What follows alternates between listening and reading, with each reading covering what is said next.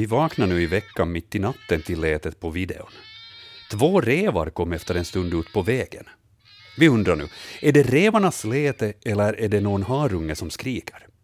Normalt har revarna ett mer eh, skallaktigt ljud än skriket på videon. Syntes inte om de skulle ha haft något i munnen ändå när de kom ut. Det här hälsar Simon i Åbo. Naturväktarnas experter, Jörgen Hans, vad säger vi? Ja. Jag, jag är ganska tyst. Ja, faktiskt, det låter betydligt mer som en hare som blir ihjälbiten än revar som, som det här är osams.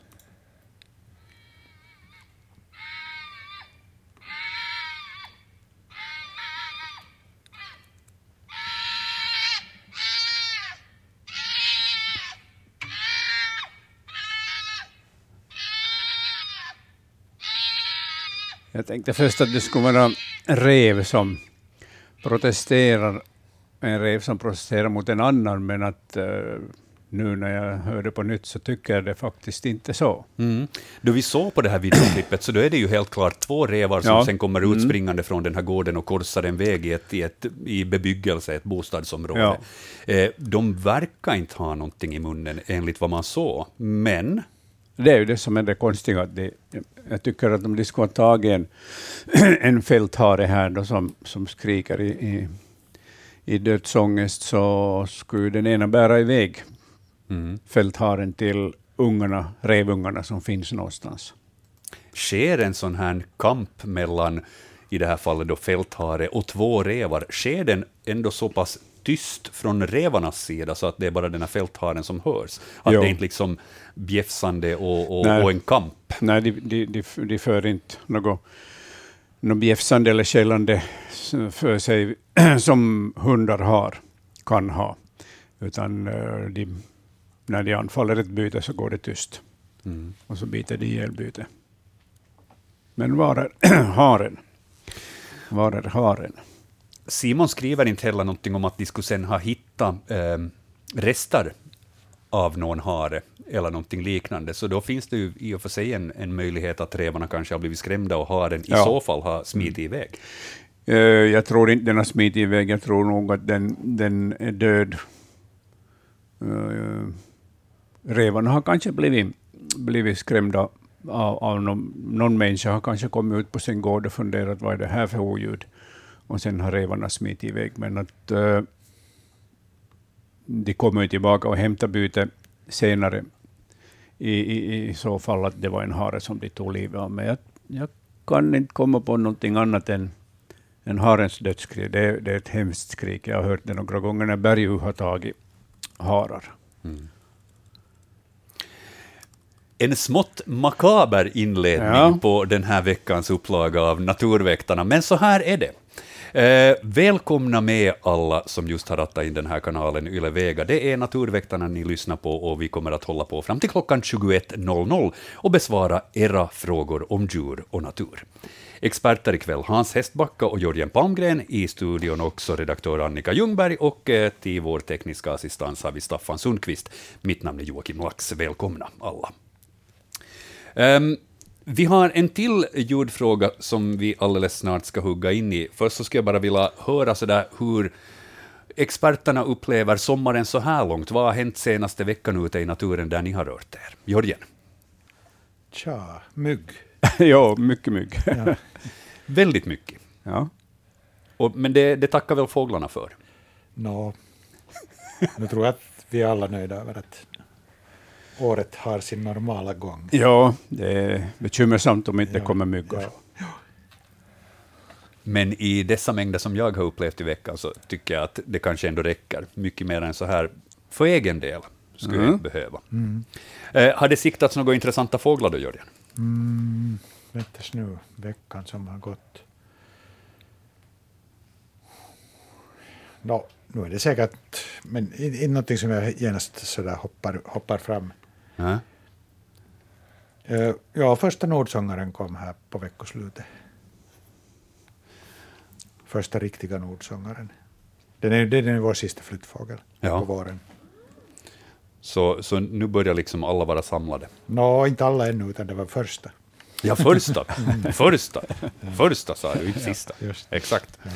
Hör du, eh, jag har en kollega som, som tror sig ha sett smådopping. Är det någonting som du reagerar på?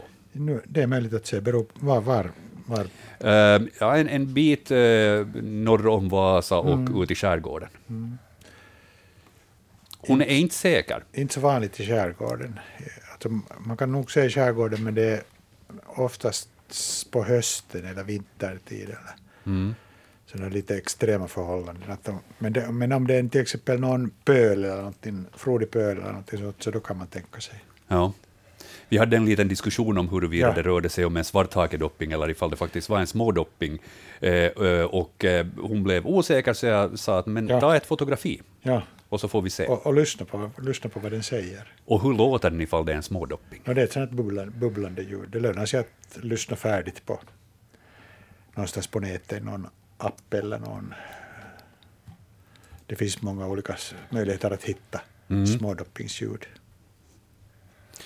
Det ska vi hoppas att hon eventuellt kan bjuda Ja. på här, så där bara hon har åkt dit till samma ställe igen, och, och så ska vi hoppas på det viset faktiskt att det är en Mm. Ja. smådopping, för jag har förstått att det finns inte många så där noterade häckande par i, i landet. Nej, det är det inte. Och Är den, är den i havet den här tiden så, så det alltså inte det är omöjligt, men det chansen är nog ganska, tror jag, ganska liten. Ja. Okej, eh, mera eh, fågelljud så ska vi lyssna på. ehm, vi har nämligen Eivor från Nykarleby som också har skickat in ett videoklipp hit till oss. Eh, hon skriver så här kort och gott. Vilken fågel hörs i bakgrunden och låter som en skällande hund? Biotopen är blandskog. Eh, lätet letet har hörts under flera dagar. Vi ska ta och lyssna på ljudet som Eivor har bandat.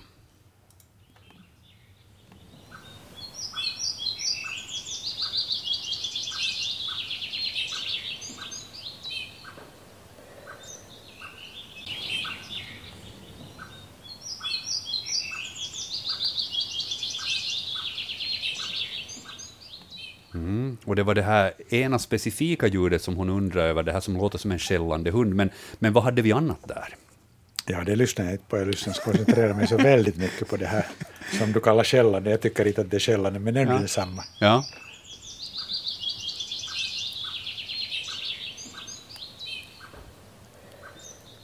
Den här som låter som en... Så jag tänkte säga, den här som låter som en fågel. Vad är det för någonting? Ja, där var bofink och domherre och någonting annat var där ännu. Svartvit flugsnappare och lövsångare. Kanske, kanske det, ja. Plu- Plus huvudpersonen. Ja. Den här som låter som en skällande hund, då, Jörgen, vad var det för någonting? Nå, det, jag, jag måste lite gissa. Det låter som en vitryggig hackspett. Vitryggig hackspett. Mm. Själv funderar jag på att vadå skällande hund, men just den beskrivningen fick mig att, att skärpa öronen och just och just ursk- urskilja där bakom de andra fåglarna. Att det är nog någon som säger bjäfs, bjäfs Ja, eller exakt. någonting. Men det var nog svårt att höra under första lyssningen. Att, vad är det det syftas på? Ja, nej, jag fick också tänka mig, jag fick se framför mig alltså en, en mindre hund. Eventuellt lite vit och, och, och lurvig och sådär. Så då, då, då hade jag liksom ställt in öronen. Väldigt liten som försöker lära sig att bjäfsa. Ja, lite så. Men vitryggig hackspett. Nå, så låter det mest som. Ja. Hans, avvikande åsikt eller samma? Nej, nej. Nej. Då har vi svar där. Eh, och det, Alltså, inte, det är inte 100 procent säkert, men det, nej det men låter det som lutar, lutar mest åt Ja. det. ja. och det passar in på biotopen blandskog då också. Mm, jo, ja. Eh, letet har hörts under flera dagar. Det var ungefär den informationen vi hade. Allt detta passar in på vitryggig hackspett. ja. Eivor skulle kunna... Om den hörs under flera dagar, då finns den där. Då skulle det vara trevligt att leta fram den. Mm. Men det är kanske inte så lätt. Det, det är lätt härifrån att säga att leta fram. Ja, men det finns ju duktiga ornitologer i, i Nykarleby Ja. och Jakobstad. ja, visst, det stämmer. Det stämmer. Så det är bara att kontakta dem. Mm, Ja. Det kan vara fråga om en häckning. ja.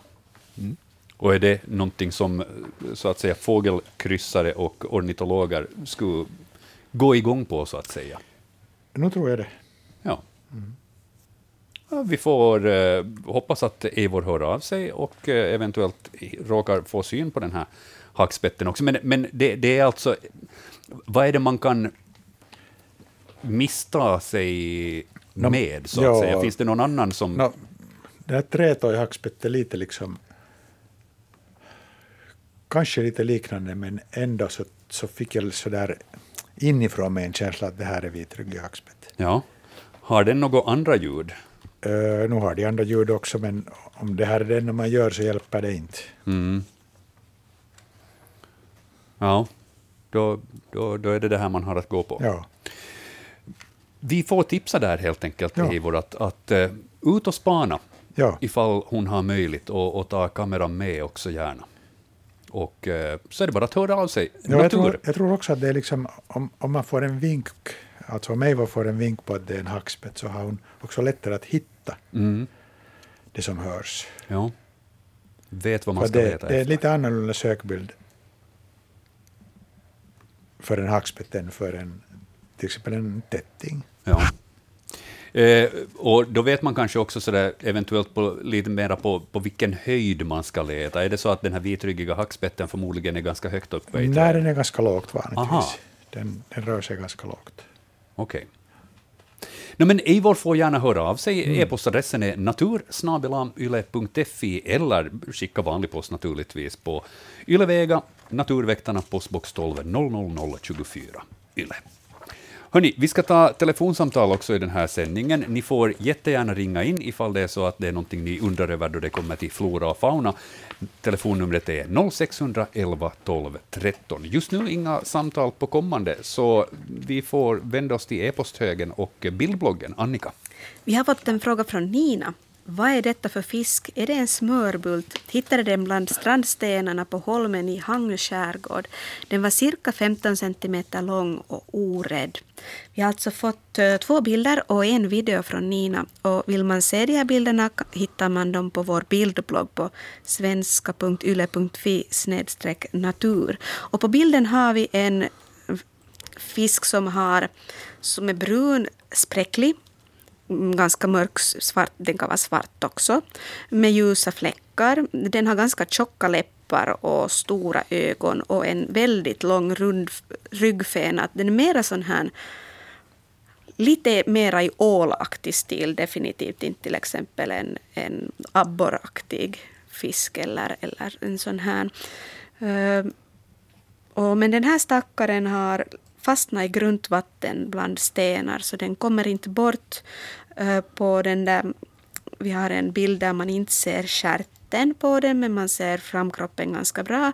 Men sen så tog jag en stillbild från video, videon som Nina hade skickat in där man ser ungefär att den är ganska sån här lång och masklik. Speciellt den här bakdelen av den här fisken. Vad är det för en fisk? Vad ska vi svara Nina? Ja, det här är en svart smörbult. Nej, det är det inte. Är det inte? Nej, nej. Nej, Mhm. Det, Är är du säker? tång, det är en tånglake. Aha.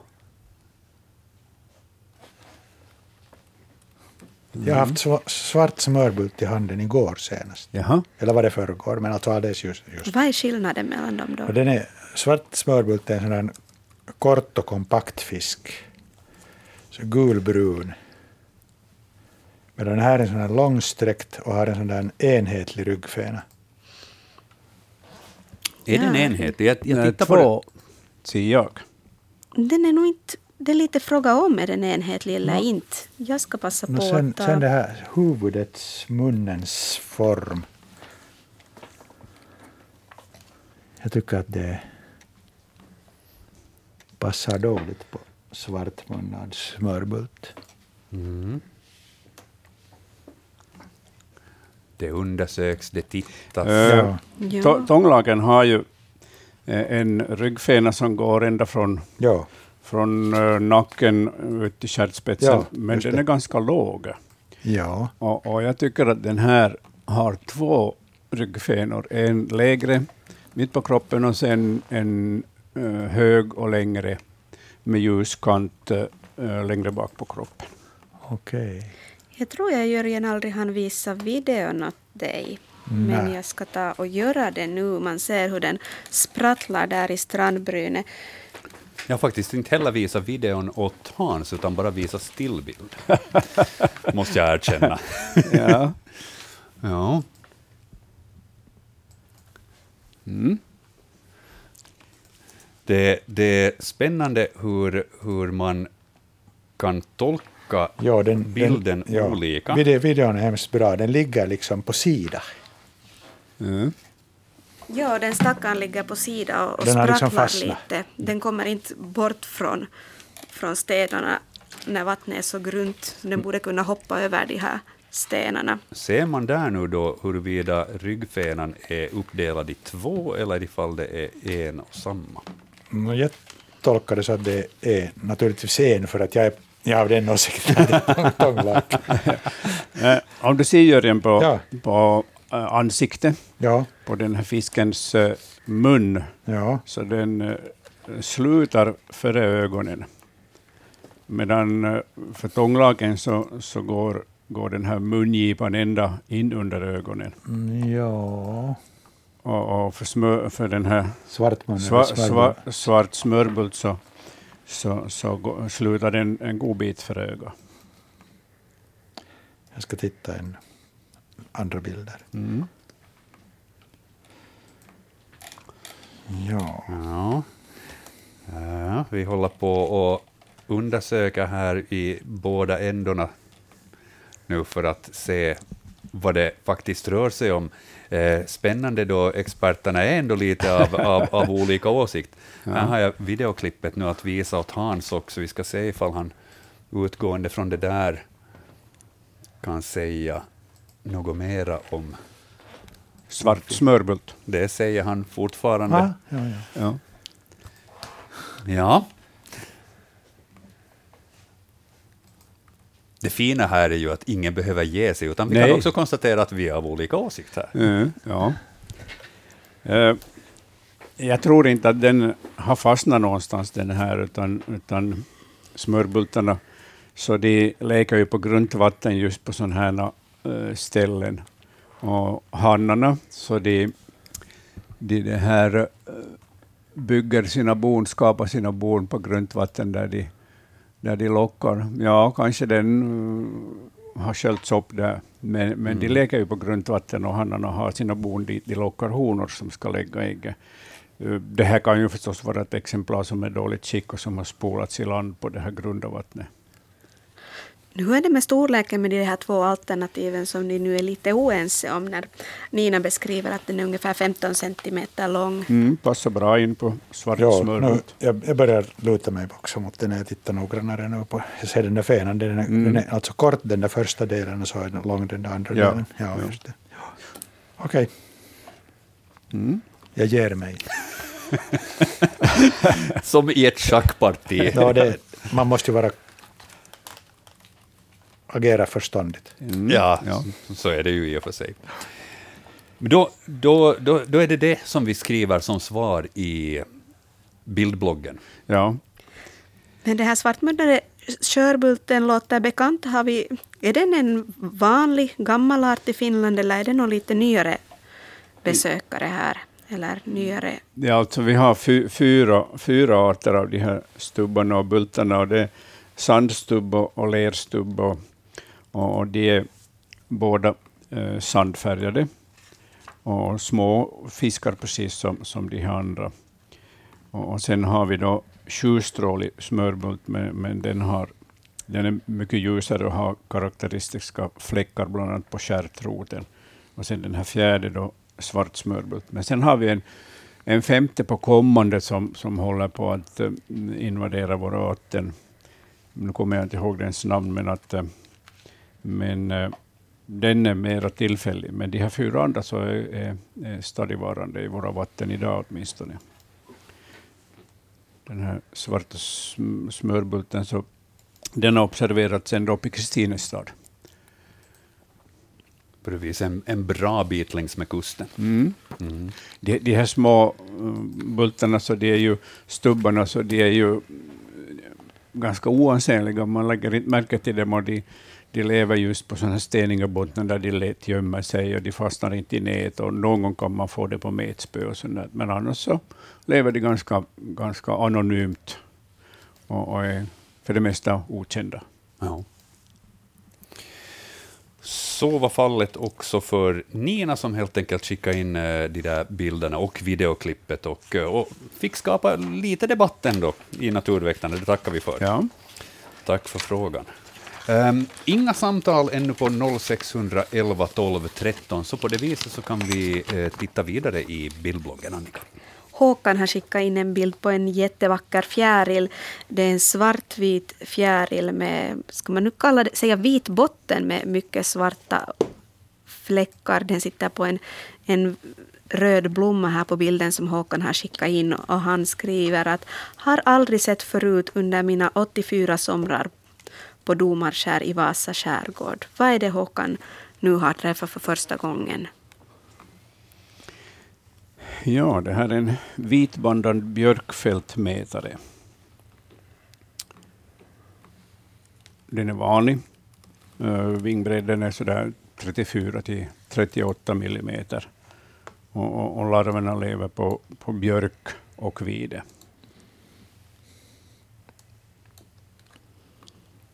Det, det, man lägger ju faktiskt märke till den här då man ser den eftersom den är så karaktäristiskt svartvit.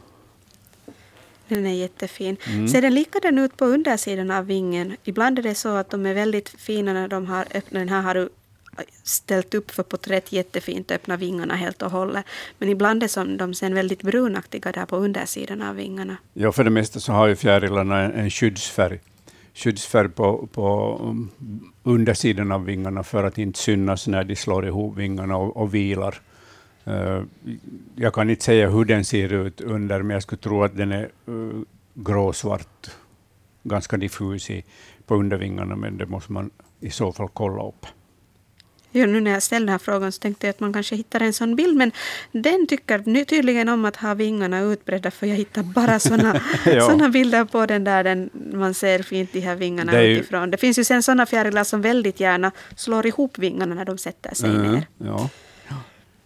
Det är kanske ett tecken på att eh, ifall den slår ihop sina vingar så är den så effektivt kamouflerad så ingen har lyckats få ett fotografi. ja, den är, det är säkert på det sättet. Så brukar det vara med, med fjärilar. Det är svårt att, att få ett syn på dem när de vilar. Men, Jag minns också att någon sån här svartvit fläckig fjäril, en sån som försöker leka um, fågelavföring. Och det, där, det är deras sätt att skydda sig. Att, att, någonting som i våra ögon inte alls ser ut som en skyddsfärg kan Mm. egentligen funka väldigt bra. ja, ja, när det ser ut som vit fågelavföring. Så. Ifall en sån där sitter på, på gröna björklöv eller någonting liknande, så det är kanske fågelspillning man först skulle ta det för. Så Ja, ja. Mm. Mycket möjligt. Vad sa ni nu att den hette? Vitryggad? Vitbandad, Vitbandad. vitbandad björkfältmätare. Jag var inspirerad av den vitryggade hackspetten. Ja. Reumaptera hastata. Mm. Ja, där fick vi svar på Håkans fråga. Mm. Mycket bra. Eh, 0611 12 13, det är telefonnumret man med fördel kan ringa in hit till Naturväktarna. Ifall det är så att man vill ställa sin fråga till Hans, så gör det en så här i direktsändning.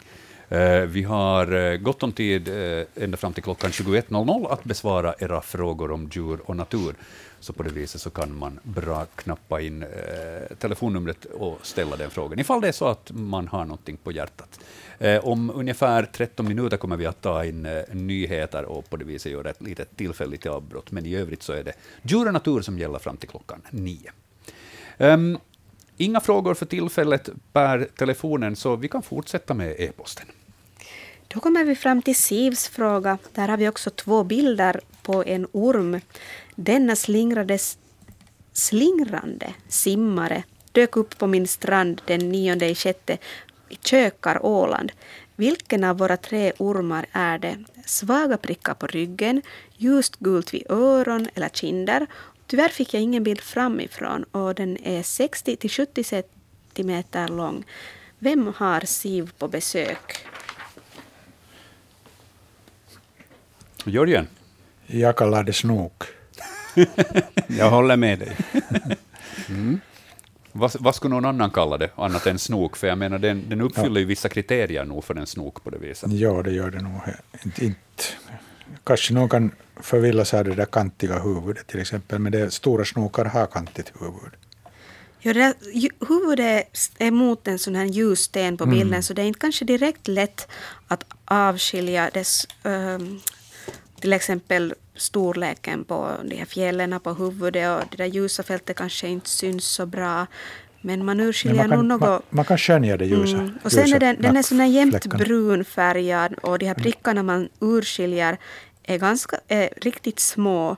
Sen är den ju väldigt lång och smal. Ja, man ser, och man ser också om man tittar på, fast eh, bildkvaliteten inte är liksom riktigt toppen, så man kan se på huvudet att det är stora fjäll som bildar de här gässan.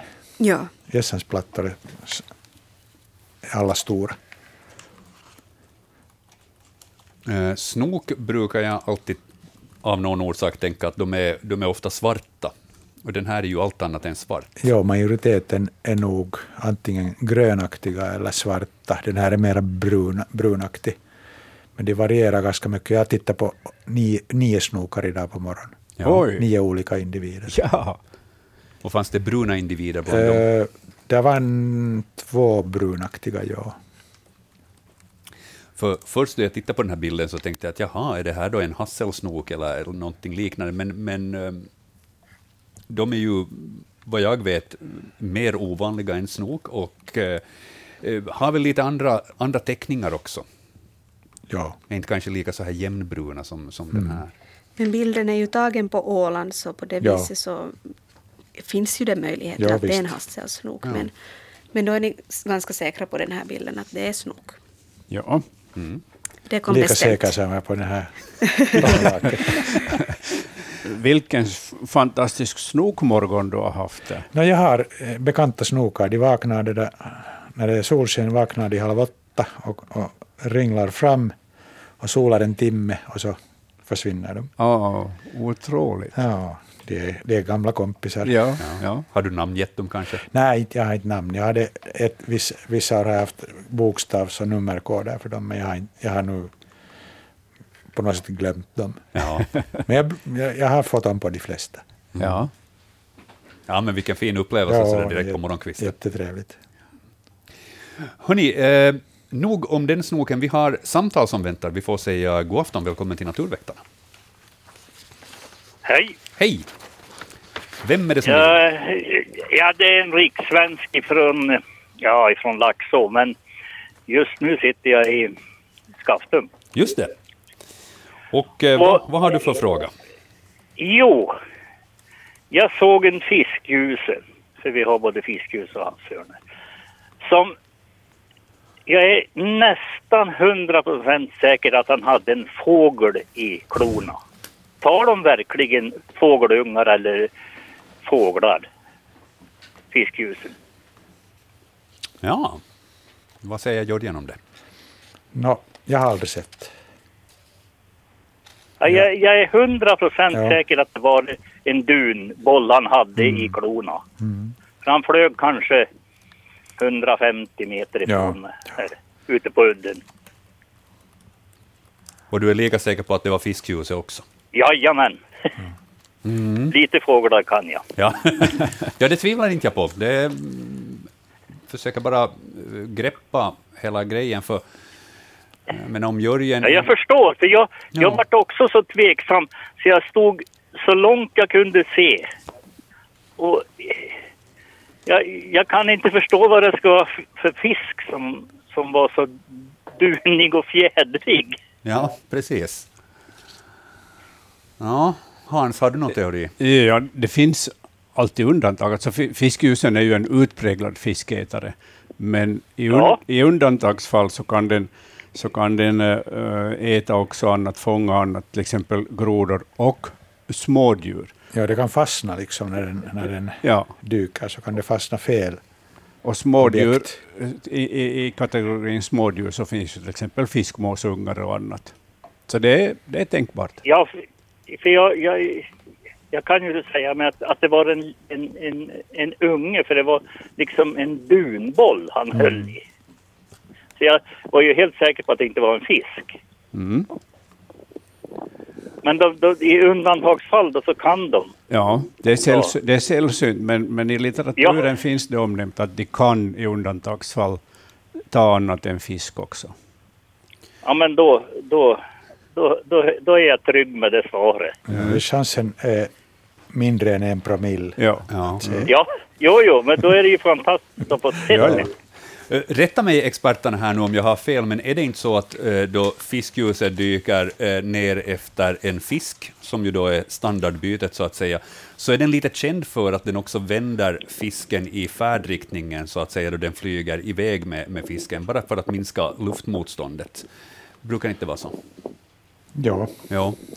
Eh, Inte råkar du obs- observera ifall den här eh, fågelungen då eventuellt också vändes på något vis i, i rätt riktning? Kunde du se det? Nej, för det var, det var som en, en dunboll med Ja. fjädrar. Ja. Och det, ja, vad, vad som var konstigt, det var liksom en vinge som, som släpade i, i färdriktningen. Så han hade väl tagit han i färdriktningen. Då. Just det. Ja, men eh, jag måste säga, en, en spännande observation du har gjort, och, Ja, ja, det var- och det roligt var att helt- få höra om någonting sånt här ovanligt. Ja, det var helt fantastiskt att få se. Fiskhusen är ju här och fiskar. Så den ser jag ju inte dagligen, men kanske två, tre gånger i månaden i alla fall. Ja. Ja, men eh, ibland tar även fiskljusen fel. Får vi bara Ja. konstatera. Ja, ja. Hör du, tusen Det tack för ditt, Tack så mycket. tusen tack för för ett ditt trevligt samtal. program. Tack ska du ha. Ha en skön kväll. Tack, hej då. Hej. Ja, det, alla gör ju misstag. Och det är väl det vi får konstatera här också. Vi har ett till samtal på tråden. Vi säger eh, god afton, välkommen till Naturväktarna. God afton, det är Arla Nyqvist som ringer från Raxfjärd, Hejsan. Ormbergviken. Och det här är en gammal historia, för det för tre veckor sedan det hände. Jag försökte ringa senaste veckan, men då kom jag inte fram på linjerna. Men jag hörde ett, ett ljud som var som en eh, brandbilssiren eller ambulanssiren, alltså ett, ett nöd, en, en nödsignal.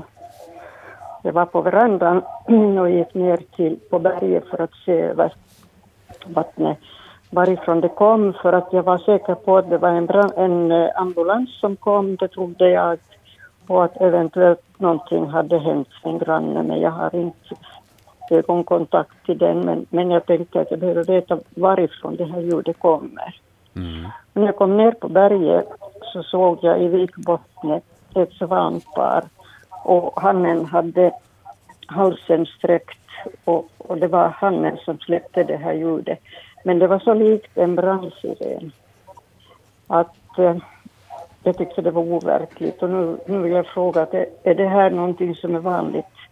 Jag frågar mina grannar som har bott vid vatten alla sina tider och, och de har aldrig hört någonting liknande. Ja. Vad säger våra experter? Mm. Var det knölsvan eller sångsvan? Det är nog en sångsvan. Sångsvan, ja. De kan ju ropa verkligen. nu ska man... Ja, så, jag, jag skulle också kunna liksom tänka mig att man kan uppfatta det som en... Ja. Som en Jo, det var liksom, det var den här, den här ni vet ju hur en siren, en, en, en Ja, det- nödsiren ja, det, låter. finns, li, alltså. det finns lite olika ljud, det är sant. Ja. Ja. Men, men eh, upp och ner och upp och ner och upp och ner. Och, och jag trodde inte mina ögon när jag såg den här svanen därför jag tänkte det kan ju inte vara men eftersom jag såg dem Mm. och, och det är nu det, det var ju inte precis intill men så god uh, sikt, vad heter det, ögonkontakt hade jag med dem att jag kunde, kunde se att det var, det var den här hannen som släppte det här ljudet och, och jag upplevde, det, det var ju en varningssignal men, och det upplevde jag det som. Nu har jag sett att de har tre ungar som, som åker efter mamma och pappa här i viken. Ja, det, ja, så det här ljudet, det, är, det är nog inte en varningssignal, utan det är en sån här... Det, jag skulle säga att det är mer ett, ett kontaktläte. Mm. Men de var Men- bredvid varandra, ja. honan och hannen. Ja, just det, han, han det där förstärker parförhållanden med en sån här rop. Ja. Får jag fråga, eh, nu, nu ber jag alla om ursäkt, men jag ska försöka härma en Ja. siren. Alltså, eh, var det ett sånt här snabbt wiu, wiu, wiu, wiu, eller var det ett wiu? Nej. Det var just det här. Just det. Ja, Okej. är den, ja. Ja. ja. Nå, jag blev nyfiken och, och eftersom jag nu hade då möjlighet att fråga mina grannar som, som är skärgårdsbor så, och, och de aldrig har hört det så tänkte jag att nu behöver jag ju fråga. Jag, och jag vet att jag har inte hört fel för att jag var så säker på att det var en, en ambulans som var på väg till någon som var i nöd. Men de, verk, de, de verkar nog inte ha varit i någon nöd, de här svanarna. Inte. Nej, Nej. nej, nej alltså honan och hannen, de, de var fredligt bredvid varandra Mm. och vilade på vattenytan. Och vad sa du, Jörgen, att de, de lite förstärkte förhållandet med det här? Ja, att det är liksom, liksom en sån här trumfrop. Ja. Triumf, Ja. triumf att finnas till. Ja. Ja, men det är, är man glad så ska det ju höras vida omkring. Det är ju helt rätt. ja. Ja, med tanke Ja. på hur ovanligt det här är. Jag har aldrig hört just en sån, ett sånt svanrop. Så, så det finns ju svanar som har stämbandsinfektioner och som kan Ja. få rosk i halsen också som, och som Ja. förändrar det här lätet mycket. Ja. Ja. Det här var dessutom, det, det var ganska ihållande för jag gick från stugan och ner för trappan och ner för berget tills jag kom till, till vattnet. Och, och inte det nu så förskräckligt många steg men i alla fall så, så fortsatte det här, det här varningslätet som jag uppfattade som, eller som en, en ambulanssiren. Så, så det där, och den fortsatte och, och jag kunde se den sträcka halsen och, och näbben som var upp mot skyn så att, att jag misstog mig inte utan det var nog den här handen som släppte det här Yle Vega.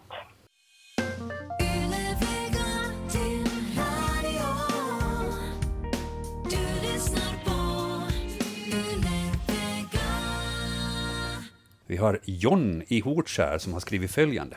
Jag är inte så bevandrad i fåglarnas språk, så bifogad ljudupptagning är för mig en gåta. Kan inte påminna mig om att dessa ljud fyllt sommarkvällarna tidigare, men nu har vi en ytterst idog sångare som tutar på långt in på natten. Däckar själv vid 24-tiden till 01-tiden, så jag vet inte hur länge denna individ håller på ensam i sommarnatten. Kollade med en app Eh, om lätet och fick till svar Thrush Nightingale, bland annat. I mina öron låter de här fåglarna lika, men benämningen nektargal låter ju bekant. Så vad är det som härjar på Hortskär i natten?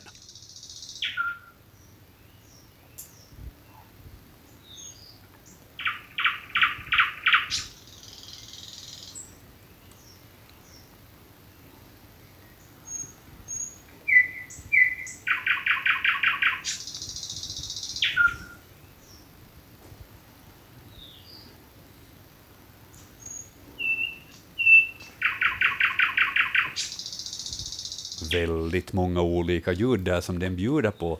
Eh, Men vad rör det sig om? Är det en nektargal? Jörgen? Jo, det är just det. det. Inte det är så jättemånga av de där ljuden, det är kanske sex olika motiv den har.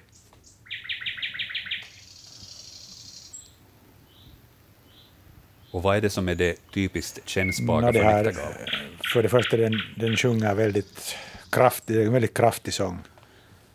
Och sånt här tjuk, tjuk, tjuk, tjuk, trrr, är liksom normala. En del av de här motiven. Ja. Och typiskt sjunger aktivast på natten.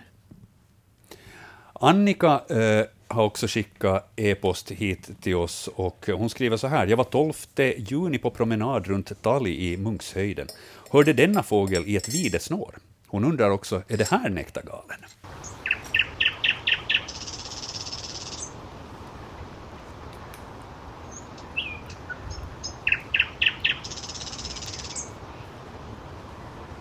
Och visst låter de ju lika? Ja, jag tycker också.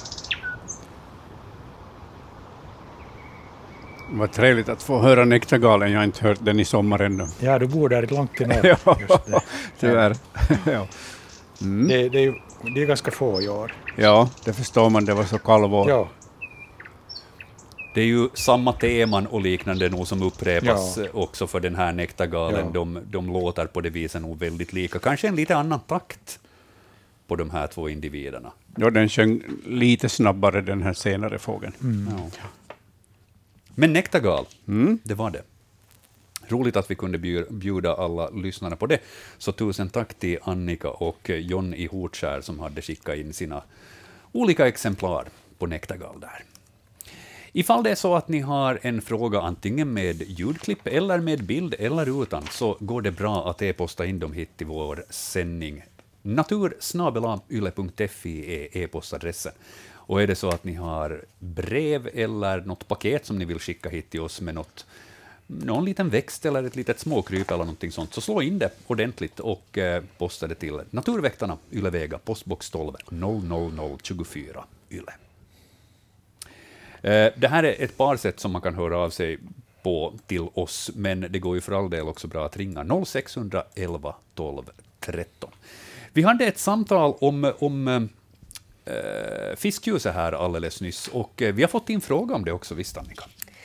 Ja, bara hittar rätt sida. Här har vi Morits fråga. Vid Skälö finns en webbkamera som följer häckningsbestyren i ett fiskljusbo. I år igen har häckningen misslyckats och kråkorna har sin andel i detta. Och det var inte första gången i boets historia. Hur kommer det sig att en så stor fågel som fiskljusen inte kan försvara sig mot kråkor? Har du följt med Jörgen det här Nej, jag videoboet? I år har jag inte följt med det, men jag har nog tidigare. Men du har haft mycket kontakt med fiskljusebon Ja, jag har nog haft väldigt mycket. Har du haft kråkor på besök också då du har nej, ringmärkt? Nej, nej, det har jag inte haft. Men det är säkert det här, det där eh, kråkorna, de är flera så de har, de lyckas irritera den här fiskljusen så pass mycket att den ruvande fiskljusen att det, jag tror att det är en, en orsak till att det misslyckas. Är det just det att, att de inte får sitta stilla på äggen, att äggen på riktigt tar skada av... Nej, utan det är när, när kråkorna är där och jag tror att de är där och, och jag har inte sett det på video, men jag misstänker att de är där och river henne i stjärten eller vingarna eller allt som, allt som är tillgängligt. Så till slut så tappar hon nerverna och så förflyttar hon sig och så är där en kråka snabbt framme. Och Ja, ja, det Tar ett behöver bara en liten, Ja. liten stund Det så att kråkan inte- kommer åt det och behövs inte förstör många sekunder. Ja. De är knepiga, de där kråkorna. Ja. Jo, de lär sig allt möjligt och, och de kan vara verkligen påflugna när det gäller ruvande fåglar. De, de kan ju gå på ejdrar och, och, och gräsänder som ruvar också. Och kanadagäss. Och kanadagäss. Ja, och- allt möjligt. Ja, Hur stort storleksmässigt övertag har fiskljuset mot en kråka? Ska du ha vikten eller? Ja, men sådär på ett ungefär, på ett Nå, höft. nu, nu är ju vikten det, kanske det som man... Ja. Nu har ju Jörgen redan sin stora fågellunta Ja, i stor- handen, så du får, du får nu hårda siffror snart. Jörgen. Ja.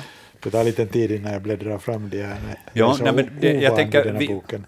vikten spelar ju en viss roll, men jag tänker också liksom med, med vingarna och, och så här att jag menar, åtminstone min bild är av att, att fiskljus är ju en relativt stor rovfågel. Ja, den är, ving, vingspannen är över en och en halv meter. Och,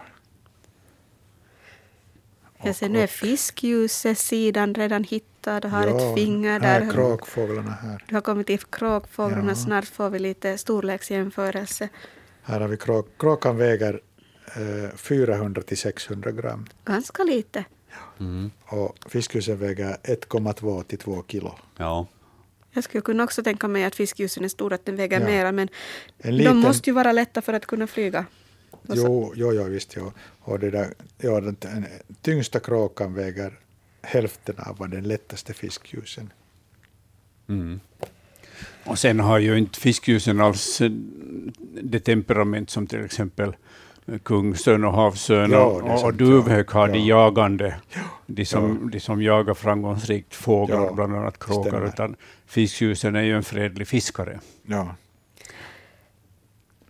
Ja, så de är ju inte på det viset naturliga fiender, kråkor, Nej. fiskljuse, och det blir inte på det viset en, en kamp nödvändigtvis på samma sätt. Nej, nej. Ja, spännande. Men det här alltså att den tappar sina nerver på kråkorna, det var, det var min tolkning av frågan. Mm. Det är inte alls säkert att det är på det viset. Ja, jag håller nog med dig. Ja. Ja.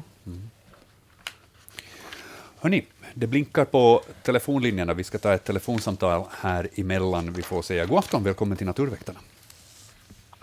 Jo, det är Bengt Råstedt på Bockholm i Esbo. Hej Bengt. Jag iakttog idag ett knölsvanspar med fem ungar i stranden.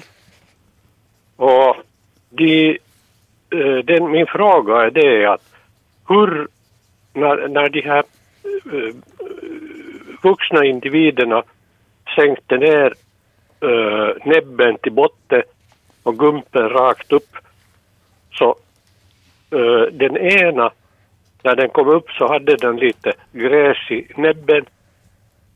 Men inte matade den några ungar med det. Och den andra eh, såg jag att när den kom upp igen i normalläge så, så att säga eh, simmade den så, mycket, så pass mycket med, med fötterna att, att kroppen lyftes upp ur vattnet. Vad har det för funktion? Ja, så här gör svanarna när de, när de river loss äh, vattenväxter som ungarna sen äter. De här, alltså när de står och trampar i vattnet på det här sättet så, så river de loss bottenvegetationen. Och, och likadant med näbbarna också. Och det som flyter upp sen runt föräldrafåglarna så brukar ungarna äta av helt enkelt. Så att indirekt matar de dem, men de matar ju inte från näbb till näbbe. Okej, Mm. ja. Är det lite ett sätt att lära ungarna att, att hitta mat själva? Uh, nej, nu är, det alltså, nu är det ett sätt att förse ungarna med mat nog. För ungarna kan ju inte dyka ner och, och plocka den här maten åt sig, utan de simmar, samlar sig runt föräldrafåglarna och så äter de. Jag har, jag har suttit flera gånger på, på, på Sherrystugsbryggan i, i, i Närpes och sett hur, hur till exempel en knölsvansfamilj beter sig. De brukar komma och beta i den här viken där bryggan finns. Och, och uh, ungarna de simmar omkring och så plockar de av de här vattenväxterna, algerna som flyter upp och som föräldrarna arbetar upp med sina fötter. Eller river loss Okej. med näbben. ja, men då förstår jag. Ja, och Sångsvanen gör precis på samma Ja, sätt. ja, det gör det. Bra, eh, nöjd med det svaret Bengt? Ja, det här andra ännu, att varför, varför liksom trampar den vatten så att den lyfts upp? Är det för det att svälja ner någonting eller? nej, utan den, den kan trampa vatten för att riva loss vattenväxter från botten. Och, och, och, och eh, trampar den vatten och slår ut vingarna och gör åkerbrasor, så, åkarbrasor, så är det för att imponera. Ja, ja. ja. Okej, Gott tack så. så mycket. Hör du, Tack. tusen tack för ditt samtal. Ha en skön kväll. Tack. Tack ska du ha. Tack, hej. Hej. Ja. Eh, vi har fler samtal på kommande lite senare i sändningen. Ehm, det är bara att fortsätta att ringa 0611 12 13 eh, ifall ni har någon fråga på lut. Men vi har också e-postfrågor som har kommit in och några frågor till i bildbloggen som vi ska behandla. Så vi vänder blicken ditåt fram och tillbaks. Vi tar en fråga som har kommit från Ulf. Vi kom ut till vår stuga i Hitis skärgård idag och hittade detta fågelbo i vårt vedlider. Ungarna ser ut att ha kläckts. Skulle gärna vilja veta vilken fågel det gäller. Kan ni hjälpa? Diametern på boets inre är cirka 10 centimeter. Vad säger Hans? Kan vi hjälpa till? Ja, jag tycker det ser ut som de här äggen skulle vara söndri, söndrade av någon. Jag, tol- jag tolkar det också på det viset. Ja, ja. Det här boet man ser vedklabbar och så är man ett ganska snyggt byggt bo mm, med en ganska sån här symmetrisk skål och det där. Mm, och de här äggen är, jag har svårt att säga, är de enfärgade och det är den här gro, gro, kornigheten i bilden som gör en liten struktur i bilden eller tror ni att de är, de är enfärgade? De är inte riktigt enfärgade, de har Mm. lite här mörkare prickar. Man ser att det är hål i de här äggen. Det är inte så att de skulle vara delade på halvt eller, eller helt och hållet söndriga utan mera som en, ett em, mindre hål i kanten eller ändan. Hur stora skulle ni säga att de här äggen är? Uh, nå, om, vi säger, om, om uppskattningen är 10 cent på, på det där boets diameter så skulle det vara skulle det nog vara 2 cent långa eller någonting sånt. Men vad är det som säger att det är någon som har pickat utifrån och inte inifrån? Är det det här sättet hur ägget är sönder? Ja, det är det. Ja, det här högra ägget, som, Ja. som, där ser man att det skalet är inbuktat i, i, i det här eh, i ägget. Och, det betyder på att till exempel en nötskrik eller en, eller en ekorre har varit där och söndrat ägget. Och skulle den vara kläckt så, så, det här, så är det öppnat inifrån ut ett sånt här ägg och då blir det inte sådana här inbuktningar på Och ägget. de här, och de här eh, liksom, eh, delarna av ägget som är kvar så de skulle vara mycket mindre. Ja. Mindre bitar. Ja, när, em, den här ungen så den fyller ju nästan hela ägget Ja. så då den kommer ut så, Ja. så delar den nog och rejält upp det. Men det är ju två ägg och den här som, det här andra ägget så, så ser man inte riktigt det här hålet men det är inte heller liksom så väldigt stort det här hålet i ägget på någondera. Att, eller att den ska ha gått sönder helt. Men kan ni säga vad det skulle kunna vara för fågel som har varit där inne och vem har varit utanför och, Nå, jag, och ätit? jag misstänker att det, det är sädesärla det här men jag är inte riktigt bombsäker. Det är ju det är lite krångligt det här med att bestämma tättingars ägg. Man borde få måtterna på, helst på en, en tiondels milli noggrannhet mått, alltså längd och bredd. Ja, det var det här som kunde skilja mycket, förstår jag. Ja, Men mycket lutar, lutar nog åt, åt CD-sälar. Och jag tänkte Ja. också i första hand på ja, den. ja. Bomaterialet och Bomaterial, ja, äggstorleken. fast, det, fast det äggfärgen kanske lite onödigt mörk för sädesärla med en variation. Det kan finnas, de kan bli mörka av någon annan orsak. Och sen är de i skugga här i Ja, boet. det stämmer. Det stämmer ja. Vad är det här bomaterialet som CD-särlan då brukar använda? Strån och lite mossa. Ja, det ser Kanske- ut så där som Kanske något grässtrån. djurhår också. Ja. Kan finnas där i boskålen. Vilka olika fåglar finns det som kan picka på ett sånt här sätt? De här få- CD-särleäggen. Är det många bovar som, som är på det misstänktas lista? Nu finns det flera som är möjliga. Men någon annan fågel har varit i farten ändå. Så, så är det, det är skäl att misstänka att så har skett. Sen finns det ju hermelin och, och Ja, vessla. just det. Också däggdjur. Ja. Ja. Men de skulle också liksom äta äggen så att säga i boet, ingen som, som bär iväg. För det mesta, de, de kan göra både och. Ja. Kan man utesluta däggdjur på basis av hur de här har öppnats eller kan det vara att de här just också har ätits av ett, ägg, ett Man, däggdjur? man borde se det liksom, man borde ha närbilder på det här så skulle man kunna gissa sig till någonting. Ja. Mm. Bäst svar får man ju om man tar och, och skickar in de här äggen i en liten ask till oss. Mm.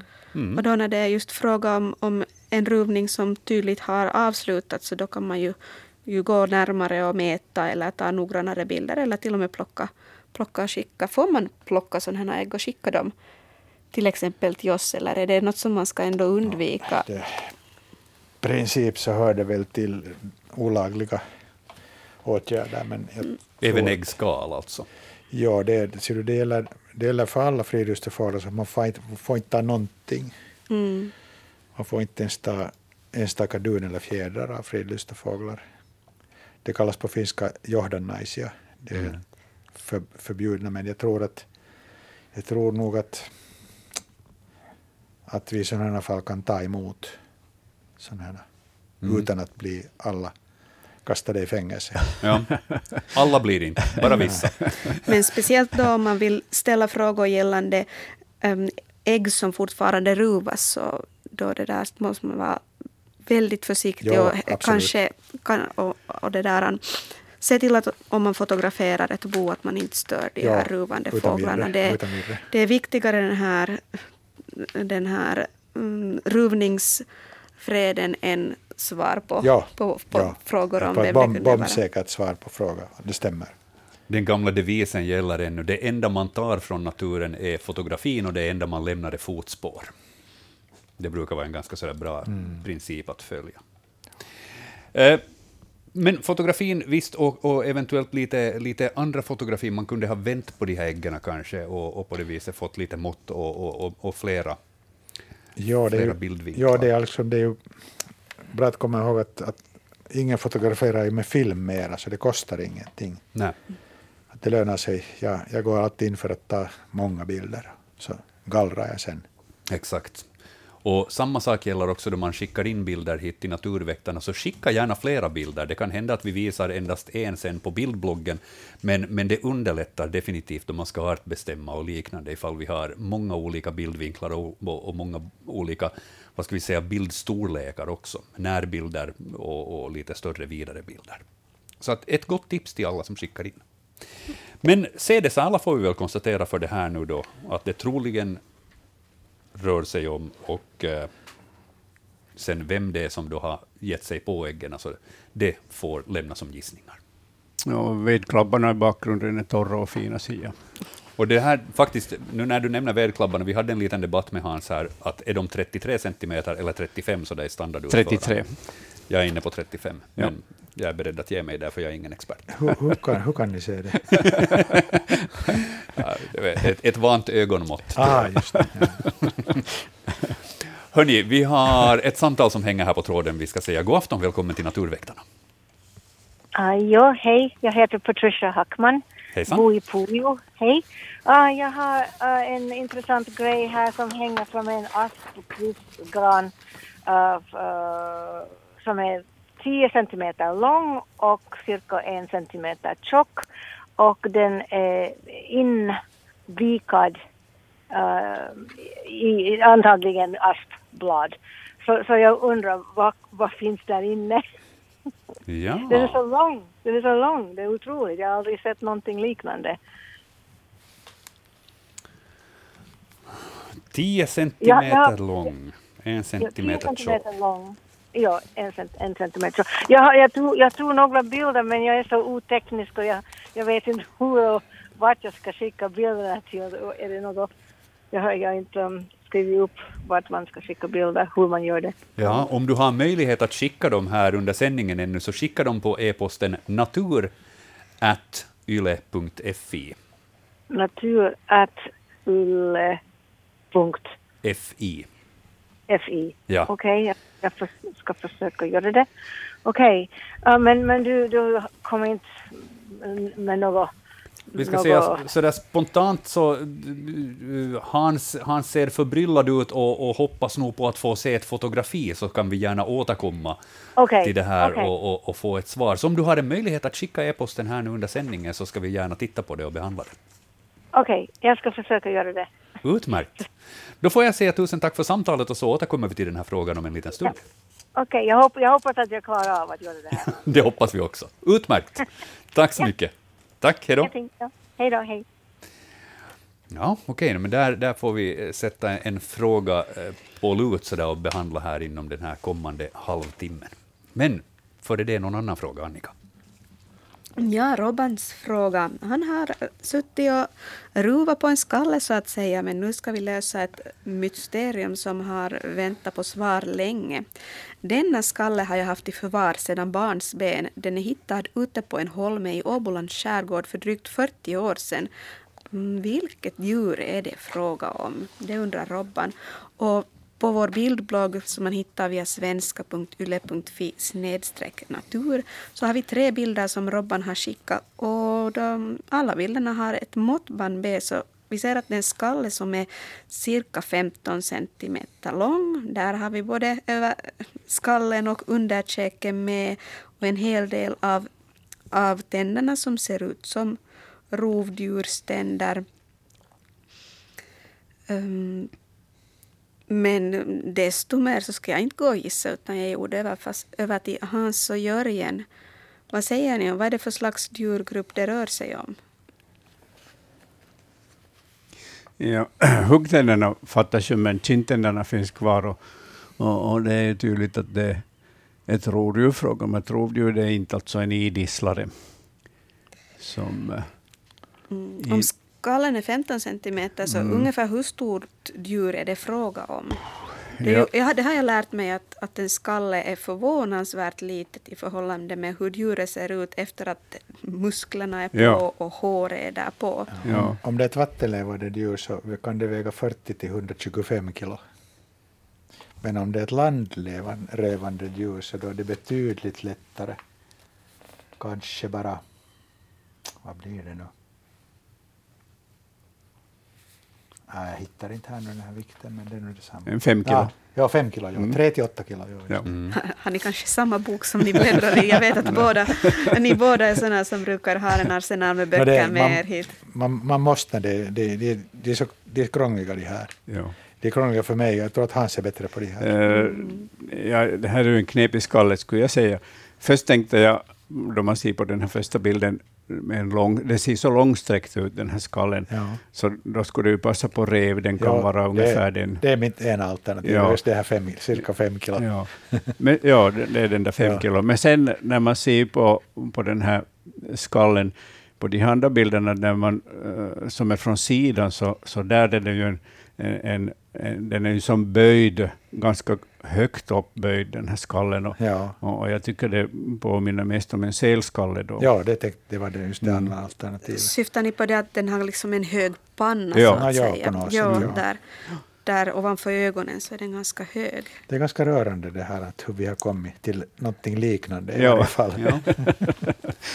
ni har kommit till någonting liknande, men kommer ni fram till vad det är? Ja, Um, det, det jag tittar på de här bakre tänderna, så det, de, de påminner väldigt mycket om, om det som man ser i gapet på en, en hund. ja, Eh, det var det enda som jag tänkte då jag, då jag Ja. såg den här bilden, att, att de tänderna ser rätt lika ut. De är rätt hundaktiga. ja, det är ju det är liksom ett, sv- svårigheten med en sån här skalle att det kan fattas någonting som, som inverkar mycket på den här bestämningen. Just det att det fattas till exempel framtänderna fattas och det kan vara att det är något annat också som är borta. Mm, det är inte många tänder den här sen egentligen har, men just så pass mycket av kindtänderna att jag, ja, det där, och, och de här hålen där de här hörntänderna har varit, att jag, jag nu kom just så långt som att jag tänkte att det var ett rovdjur. Mm, men man ser att den där tanden som är längst bak är som en fusionering av två, tre stycken tänder, så det är en riktigt stor kindtand längst bak och någon lite mindre där fram och de är inte sådana det ser ut som ett, en liten bergskedja den här tanden längst bak. Har selen såna? Nu när jag, tittar, när jag själv tittar på, på bilder på selskallar, ni har ju bättre källor än jag, men har de sådana här fusionerade bergskedjor som, som kindtänder? Och det är just det jag skulle säga att den inte har. Alltså, gråsälen har ju kägelformade eh, tänder som, som står upprätt en och en och en, medan då eh, vikaren borde ha sådana här tänder. Okej. För vissa sälar vet jag kan ha väldigt exotiska tänder som man inte skulle blanda med landlevande. Mm. Men att då måste man ju vara expert som har sett en hel del skallar för att veta att det finns de som, som har sådana här. Mm. Räven har ju ett specialkännetecken som jag inte hittar här. Ja. Det sägs att den här underkäken ska vara liksom... Vänta nu, vad var det? På finska kartunut, al- alareuna kartunut alaspäin, alltså att den ska vara nedåtböjd. Men det kan vara att det är perspektivet som gör det svårt att Mm. avgöra att är det på det viset. ja.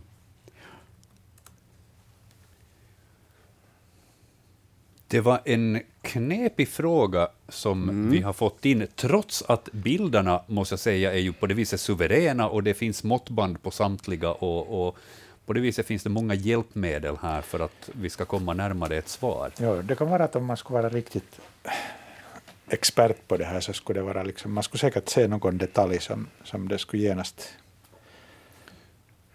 Ja.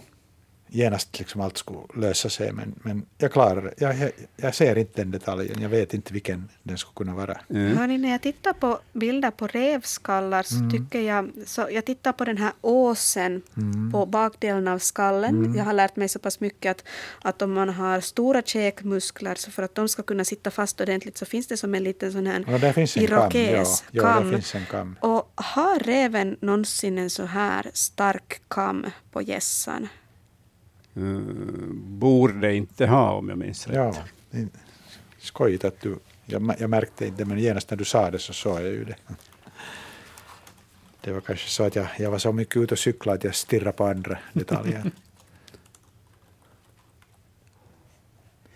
Ja, preliminärt skulle jag nog hålla på, på, på gråsäl, men, men äh, tänker jag redan om du skulle kolla upp det där med Zoologiska museet.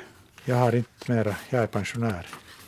Ja, men du kommer väl in där i alla fall? nej, nej. nej, nej. Jag, jag misstänker att de inte vill se mig där. Ja, men bilderna vill de se. Vi kan eventuellt skicka Ja. vidare dem Jag och, tycker- och, och se om vi får Ja, lite vi fantstöd därifrån. Jag tycker vi kan göra det eftersom det här är ett 40-årigt mysterium. Ja. Det är det jag tänker, om Robban har väntat i 40 Ja. år så då, då kan han vänta lite till. Ja. Mm. Och så får vi ett, ett Ja. korrekt svar. Okej, jag, jag, tar, jag åtar mig det här. Fina saker. Ja. Mm. Hörni, eh, glädjande nyhet. Patricia som just ringde in eh, med eh, det här 10 cm långa, 1 cm tjocka eh, aspbladet, så hon har skickat bilder nu. Och eh, de finns inte ännu på bildbloggen, de kommer att eh, laddas upp efter sändningen förmodligen. Men hon har i varje fall skickat nu bilder på någonting som verkligen ser ut alltså som en, en lång cigarr. Eh, och eh, Hans sprang just och tittade på den här bilden. Eh, Jag rullar iväg mot Jörgen nu. ja, så får han också titta. Hon har skickat ett par bilder, men båda visar liksom ganska långt samma sak. Och det bläddras ivrigt i böcker, så förmodligen så kommer nog Patricia att få ett svar här på, på sin fråga. Ehm, för det, det ser ut alltså som om någon skulle ha som om någon skulle ha rullat ihop en, en stor cigarr av dessa blad. Dessa asplöv, ja. Ja. ja. Och, eh, och det, väldigt vackert hoprullade också. Vi har någon gång tidigare haft som fråga, men då, eh, något liknande fenomen, men då handlade det mera om att det var ett löv som var hoprullat. Och inne i detta hoprullade löv så skulle det då finnas en liten larv av någonting som jag inte kommer ihåg vad det var. Det var Anders som besvarade den frågan den gången. Så min, mitt antagande är ju att det nog rör sig igen om någon som har byggt ett litet bo åt sig. Men vem det rör sig om? Det är ju, det är ju någon insekt förstås, någon Ja. insektart som, som har eh, byggt det, här boet av askblad. Eh, det ringer inte i min skalle alls eh, vilken det kan, kan vara. Tyvärr. Mm. Men jag tycker ju att, att det här är ju en otroligt bra fråga för Anders Jag tycker också. att titta Ja. på. Tänk att du kom på det. Åratal av expertis. Mm. Mm. Jag har själv inte sett eh, så här stora bladinrullningar som det, som det är fråga om här. Inte. Utan det brukar ju vara det där etta bladet bara som är ihoprullat. Det som är fint är att den här är lika lång som fyra asplöv. De här är speciellt skrumpnar och torkar, de här asplöven som har faktiskt satt flera asplöv på rad Ja, för att få till stånd en sån här präktig rulle. ett skickligt arbete skulle jag säga. Verkligen. Det, det har noggrant sammanflätats det här. Man ser ju inte på det viset något trådar desto mera om, som skulle liksom omgärda hela den här, vad ska vi nu kalla det, cigarren i brist på annat. Eh, utan det ser ju ut som att man helt enkelt snyggt bara har vikt ihop dem och, och rullat dem tätt in på varandra. Men förmodligen så är det ju nog no, nog någon som har, som har spunnit ihop det här. Ja, på insidan säkert. Ja. Mm. Eh, spännande. Vi tackar, Ja, verkligen. Vi tackar Patricia för de här bilderna och, eh, och kommer att skicka vidare de här till Anders och så får han titta på dem och eh, så har han eventuellt ett svar på det här nästa vecka. För då är det han och Mimma som är experter. Bra! 0611 12 13 det är telefonnumret som man kan ringa ifall det är så att man har någon fråga till oss här på Naturväktarna. Vi har ännu drygt, eh, ja, knappt 25 minuter sändningstid kvar, så att några frågor har vi nog tid med. Men vi får rikta blicken mot e-posten igen. Ja, vi har det där följande fråga på bildbloggen. Den kommer från Janne. En fågelholk, vackert rödmålad mot den rödmålade väggen. Men fågelbo utanpå holk, är det vanligt, undrar Janne. Talgoxen bor i holken, men det är väl den där svartvita flugsnapparen som byggt utanpå.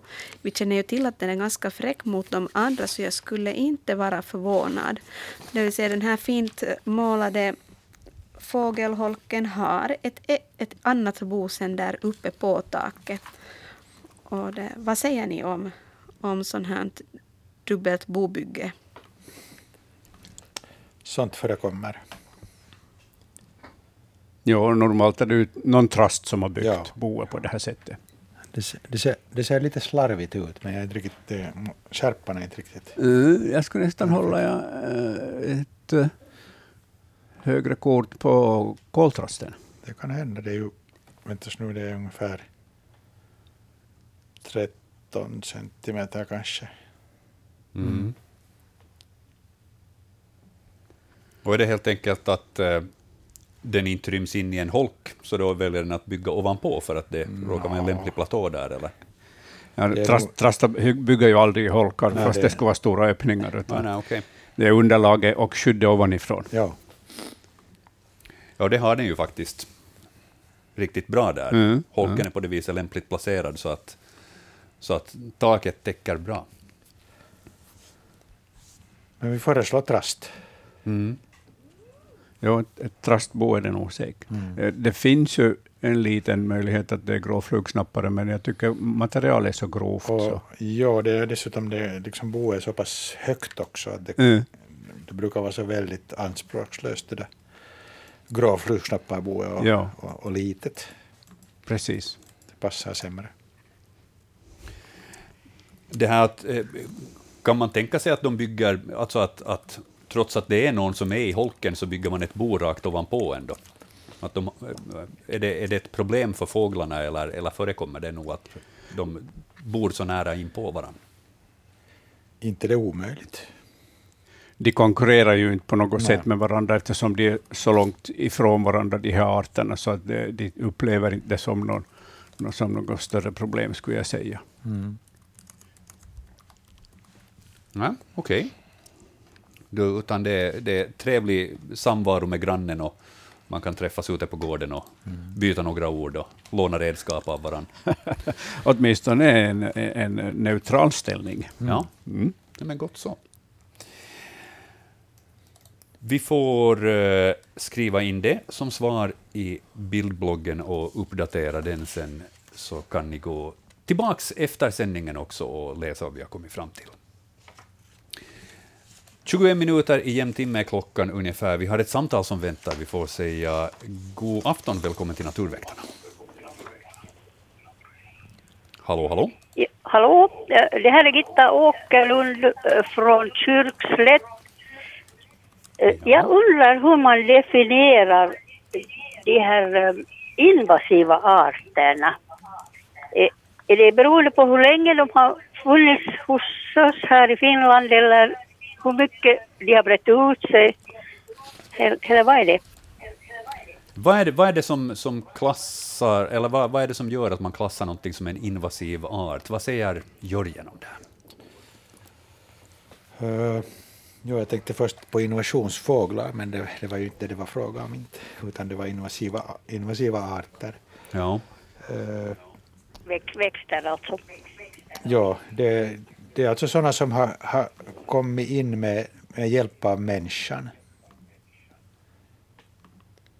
Ofta genom en aktiv handling. Och då räknas den som invasiv. Nå, måste fundera lite på det här, att skulle det kunna vara något annat? Kanske Hans kommer på... Eh, Ja, så långt har du alldeles rätt, men sen är det väl att, att, att det har skett så att säga i vår tid, Ja, inte på 1700-talet. Ja, just en, en ny... Ja. Ja, alltså en, en Tycker ny, att också ny- äldre arter som kallas invasiva, eller kallas, kan kallas invasiva fast det är en längre tid ifrån. Jaha. Tänk, eller jag vet inte. För i något skede så blir ju en art också etablerad ifall den har funnits en längre Ja, tid. maskrosen till exempel, som kommer, Ja. som kommer från Nordamerika. Minns jag rätt så, Ja. så, så gäller det de här, de här dagens till exempel vresros och lupiner och ullhandskrabba eh, som, som det här är invasiva. Infödda av människan och som sprider sig i naturen. Jaha, ja. Men gör det är faktiskt så mycket skada sen att, det att man måste utrota dem helt och hållet sen. En del arter så, så klarar sig så otroligt bra så att de tar över helt. Till exempel vresrosen så kan ju eh, uh, ta över sandstränder och stenstränder fullständigt och där försvinner alla, alla de här naturliga växterna från stränderna. Och det är därför man försöker få bort den. Och just det här med invasiva arter, de som eh, inte sprids ut i naturen och inte tävlar med naturarter, de brukar inte kallas invasiva. Nej. Att alla våra trädgårdsväxter är inte invasiva, utan den titeln ges till de som, som sprids, sprids mera än andra. Eh, Mink, mink och mårdhund räknas säkert till de invasiva arterna Ja, också. det gör det. Fast Ja. mård- mårdhundarna främst har... Ja. Men, mm, ja. I mårdhundsfrågan är det ju det att de har traskat över finska Ja, gränsen ja, det- själv, det är- men de ja. skulle inte ha kommit till Ja. ryska sidan av gränsen om inte de skulle ha flyttats, Flyttats, från, ja. från västra delen av, av Asien, eller från östra delen Ja. av Asien, över Uralbergen. Så de, för att vara en sån här invasiv art som man bekämpar så ska man nog ha fått människohjälp på traven någonstans. Ja. Ja, ja, ja. Okej. No, men jag får tacka för det här då. Vet du, det var en intressant fråga du ställde, Gitta. Det, det är sånt här som, som gör att man måste lite tänka efter, för lätt så benämner man ju saker för invasiva arter, men, men faktiskt att vad, vad är det som definierar? Så det var riktigt bra att du tog upp det. Ja. Okej. Hördu, tusen tack för den här frågan. här. Tack, Jo, ha en skön kväll. Okej. Tack, jo, hej då. detsamma. Jo, hej. Hej. Mm. Vad är invasiva arter? Det var bra att man får en sån här frågeställning. Men, Ja, men, jag hittade här på, på nätet på Suomen luonnonsuojeluliitos sida på svenska en, en ganska trevlig presentation av det här problemet. ja. Jag är så där snabbt ögna igenom så det, det ser riktigt välmotiverat och, och, och berättas ganska ingående om problemet. Men kan, kan man utgående från den texten som du nu har läst konstatera att var vi inne på rätt spår Ja, med, ja, med ja, resonemanget? visst, visst, visst, visst. Ja. Ja, bra fråga som Gitta ställde, vi får tacka för den. Eh, ett till samtal hinner vi med. Vi säger uh, god afton, välkommen till Naturväktarna. Här är Jarl Hagelstam från Grankulla, hej. Hej Jarl. Hör du det här? Eh, Min fråga gäller det här. Här i Grankulla i parken så har staden satt ut äh, bord och bänkar i metall. Äh, Det är alltså ett sammansvetsat, he- en sammansvetsad helhet med ett runt bord och sen det här metallbänkar runt omkring. Och det här äh, någon här från Grankulla har tagit en bild av det där bord och stol, eh, bord och bänkhelheten och skriver Turmanin puistossa pöytä ja tuolitkin on seitin peittämiä, aivan kuin ne olisi kääritty muoviin. Lisäksi toukat vilistävät pöydällä ja tuoleilla. Och här i parken finns det, det här mycket hägg och de här häggarna är täckta sen av häggspinnalarvens nät. Men det här, det förundrar mig att det här, några larver uh, skulle gå på metall. Men att det här, den här människan säger att det här pöytä ja tuolitkin on seitin peittämiä, liksom de skulle vara täckta av det här nät. Och dessutom toukat vinistävät pöydällä ja tuoleilla. Att häckspinnalarven eller någon annan larv skulle gå på metall. Jag tycker att det låter så underligt att det här det kunde vara värt en fråga till naturväktarna. Utan Fast vidare. jag inte vet hur jag ska bära mig åt för att få en bild av det hela till er. Ja, men vi, vi, vi Det- får en ganska klar bild av det som du har berättat. Ja, det finns så mycket häggspinnmalar där nu, larver, och att de kryper omkring överallt, söker nya värdträd som inte är kalätna och, och eh, dels så ska de också förpuppa sig någonstans. Så, så att eh, de har helt enkelt eh, vandrat också över de här kombinationen bordbänkar av metall utan att bry sig om att de måste ha krupit upp och sen krupit ner på marken igen. Så att det, det är helt enkelt de här borden och, bordet och bänkarna har varit i vägen för de vandrande larverna. Ja, så. Ja. Jo, jag bara förundrar mig över det här att det här larverna ger sig på metall. Men Jo, jo, det, det är bara det gör de. en, en tillfällighet. De bryr sig inte om underlagen när de ska framåt till ett visst ställe. Ja, Mm. just så. Okej, tack för ett snabbt och klart svar. Hör du, tack för ditt samtal, det var intressant att höra. Bra, Jo, ha en skön tack. kväll. Tack, Hej. hej då. Hej. Ja, då. Ja, häggspinnmalarnas larver e-, är, är på gång på många ställen. Och, och, och tyvärr så brukar ju en del eh, häggägare hugga ner träden när de är spöklikt in, inlindade i det här spinnet från larverna, för att eh, de vill inte ha det eh, att se ut på det sättet. Men jag brukar säga att nej, låt häggarna stå kvar, att de grönskar längre fram på sommaren och så är de gröna och fina i, i nästa år igen. Att, att de här larverna ställer inte till något besvär för oss människor, fast det kan se spöklikt ut med de här inspunna träden och kalätna träden. Mm. Och det gör det ju faktiskt. Ja, det är ju intressant att sitta vid, ett sånt här inspunn, vid en sån här inspunnen hägg och, och titta på det här sjudande livet av, av larver. Bra. Intressant fråga där som vi fick in av Jarl. Vi får tacka för det samtalet. Um, vad har vi i bildbloggen nu då, Annika? Men hörni, jag skulle gärna ta upp ett ny e-post vi fick nyligen för vi pratade om ett fågelbo som Ulf hade skickat in bilder på. Vi funderade på att det var en sädesärla och, och det där. Han, eh, Ulf har faktiskt hunnit skicka in närmare bilder.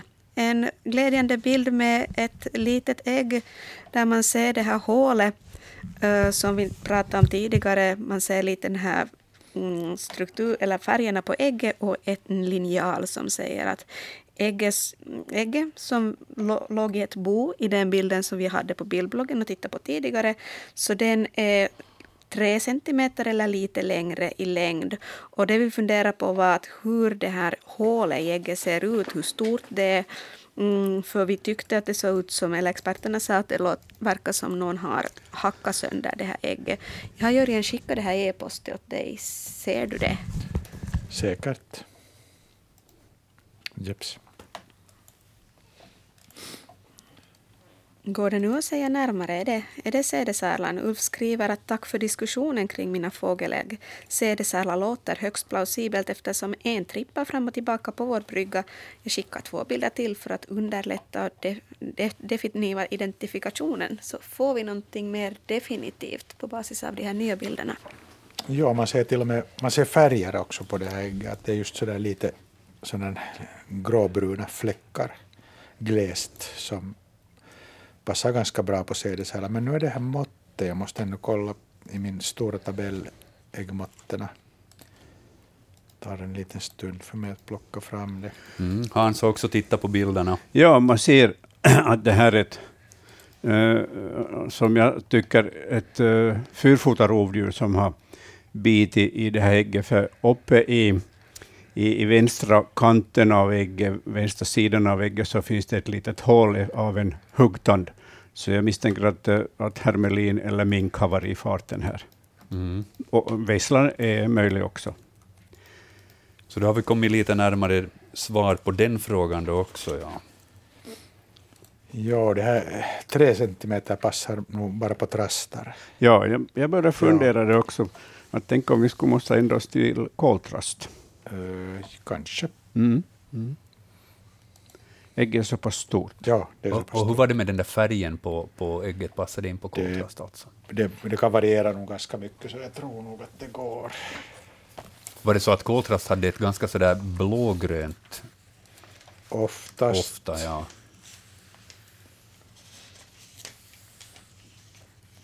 Mm. Men variationer kan förekomma. Ja, det gör det alltid inom arterna. Så att, men äggets storlek. Ja, passar på koltrast. så flyttar oss till koltrast. Färgen bra.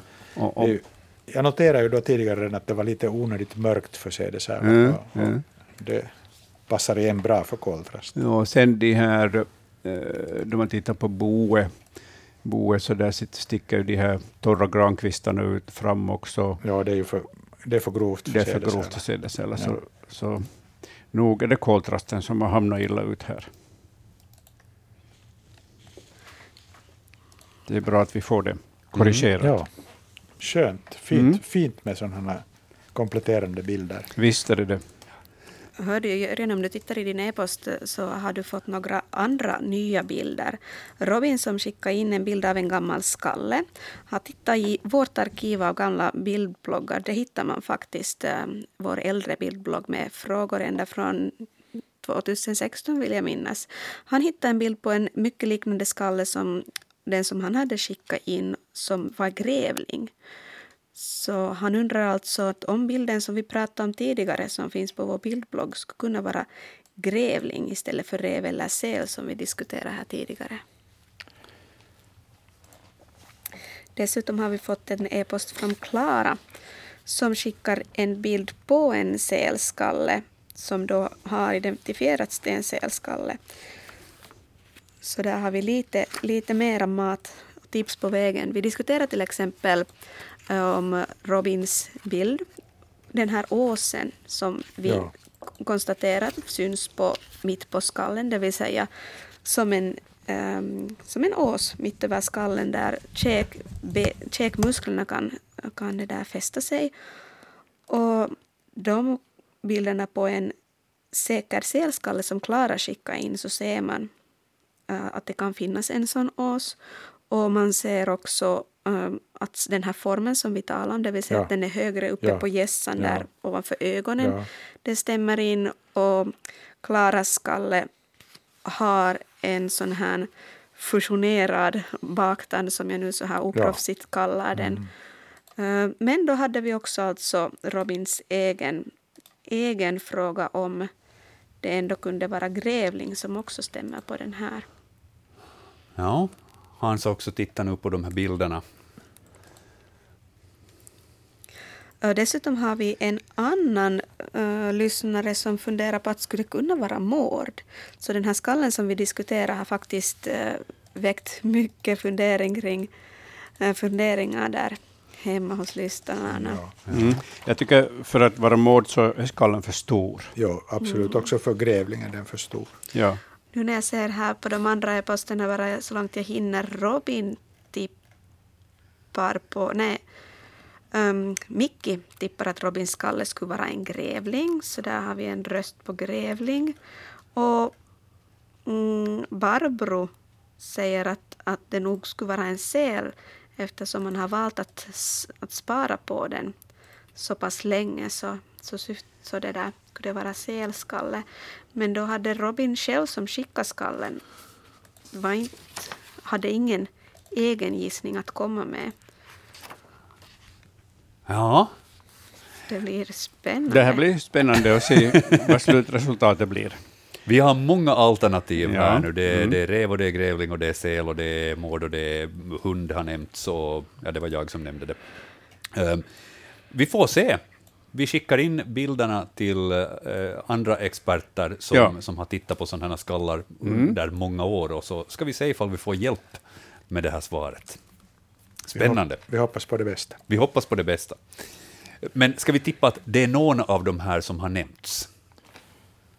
Ja. Spännande blir det sen ifall Mm. det visar sig vara någonting helt annat. ja. Hörni, fem minuter har vi på oss ännu att besvara frågor om djur och natur här i Naturväktarna. Har vi några frågor som har skickats in här tidigare som är mm, obesvarade ännu? Ja, vi har i bildbloggen en ny bild som vi kunde titta på kanske. Ja, jag tittade att vi skulle ha tid med ännu en fråga så jag hann där tidigare sätta in ännu en bild som Gerd har skickat in. Hon undrar vad asparna har råkat ut för. Det där krusidulliga röda som vi har på vår bild är faktiskt sån här röd, röda kanter på astblad och Gerds fråga i sin helhet är följande. Jag har rört mig ganska mycket i naturen mer än 70 år men aldrig råkat se någonting liknande. Förekommer i stor mängd på unga aspar vid Töleviken. Kan klimatuppvärmningen bidragit till ökad förekomst? Det frågar Gerd. Mm, Kan Hans eller Jörgen först beskriva lite närmare vad det är vi tittar på när vi får Ja, det är sådana köttliknande ansvällningar på askbladen och också köttfärgade det är de här ansvällningarna samtidigt. Så att, eh, man ser att det är missbildningar på de här askbladen och i stora mängder. Eh, jag tror inte att det har någonting med, med klimatförändringen att göra, utan, utan det här är ett ovanligt rikt, eh, en ovanligt rikt förekomst av, av eh, eh, gallkvalstret Vasates dispar som förorsakar sådana här skottspetsgallar på asparna, aspbladen. Så det är alltså ett, ett kvalster som, som lever inne i, i de här bladen och som förors, förorsakar det här, den här gallen, vilket ju är meningen också därför att den är, den är näringsrik, den här, den här vävnaden som växer på det här sättet och, och, och ger ett bra skydd för, för kvalstret. Ovanligt eh, tycker jag också att det är så många, men att eh, ibland förekommer också sådana kvalster i, i, i stora mängder. Mm. Det verkar som om asparna har råkat mycket illa ut här. Vi, vi hade Patricias fråga här tidigare också med den här långa cigarren. Ja, men det var mer ett konstverk. än- Ja. Ja. det, där gick det åt bara några blad, men att här, här har det gått åt en, en, en hel del blad, förstår jag. Mm. Men det ser man på bilden och och förstår av texten också. Så. Ja. Så det här är då ett, ett galler som, som aspen drabbas av just på grund av det här speciella gallkvalstret. Men ingenting med klimatuppvärmning att göra med andra ord. Nej, det tror jag inte. Nej. Det råkar bara vara ett, ett, ett stort angrepp då av, av de här gallkvalstren som har åstadkommit så här mycket skottspetsgaller. Det där misstänker jag att få bli den sista frågan som vi besvarar i Naturväktarna för den här veckan. Men misströsta inte, vi är tillbaka igen om en vecka. Och då jag säger vi, så då menar jag inte mig själv och Hans. Eh, Vi kommer att åka iväg och fira lite eh, semester på olika håll, men eh, ändå kommer att ta en liten vilpaus. Men nästa vecka är Naturväktarna tillbaka. Då är det Mikael Crawford som eh, är programvärd för det här. Men Annika hon är på plats och experter nästa vecka är Mimma Ekblad och Anders Albrecht. Så svar på era frågor om djur och natur kommer ni att få igen nog om en vecka. Jag ska passa på att säga tusen tack till Hans och Jörgen och eh, Annika och eh, Staffan för sällskapet den här veckan. Tack för er eh, expertis. Och um, ifall det är så att ni har frågor om djur och natur, ni kära lyssnare, hör av er till oss. Skicka in e-post på adressen natur eller så kan ni skicka brev, paket, vykort och liknande. Eller till exempel kranier från, om det då är en säl eller en grävling. Skicka in det till eh, Naturväktarna Ylevega, postbox 12 00024 Yle. Den adressen kan ni riktigt bra använda i så fall. Och som vanligt så får jag, Joakim Lax, tacka för sällskapet för den här veckan och tacka alla lyssnare som har hört av sig och eh, skicka in frågorna, för det är ni som alltid gör de här sändningarna. Och tack alla ni också som bara har lyssnat passivt, men ändå, vi är alltid lika tacksamma då ni sätter er värdefulla tid på att lyssna på Naturväktarna.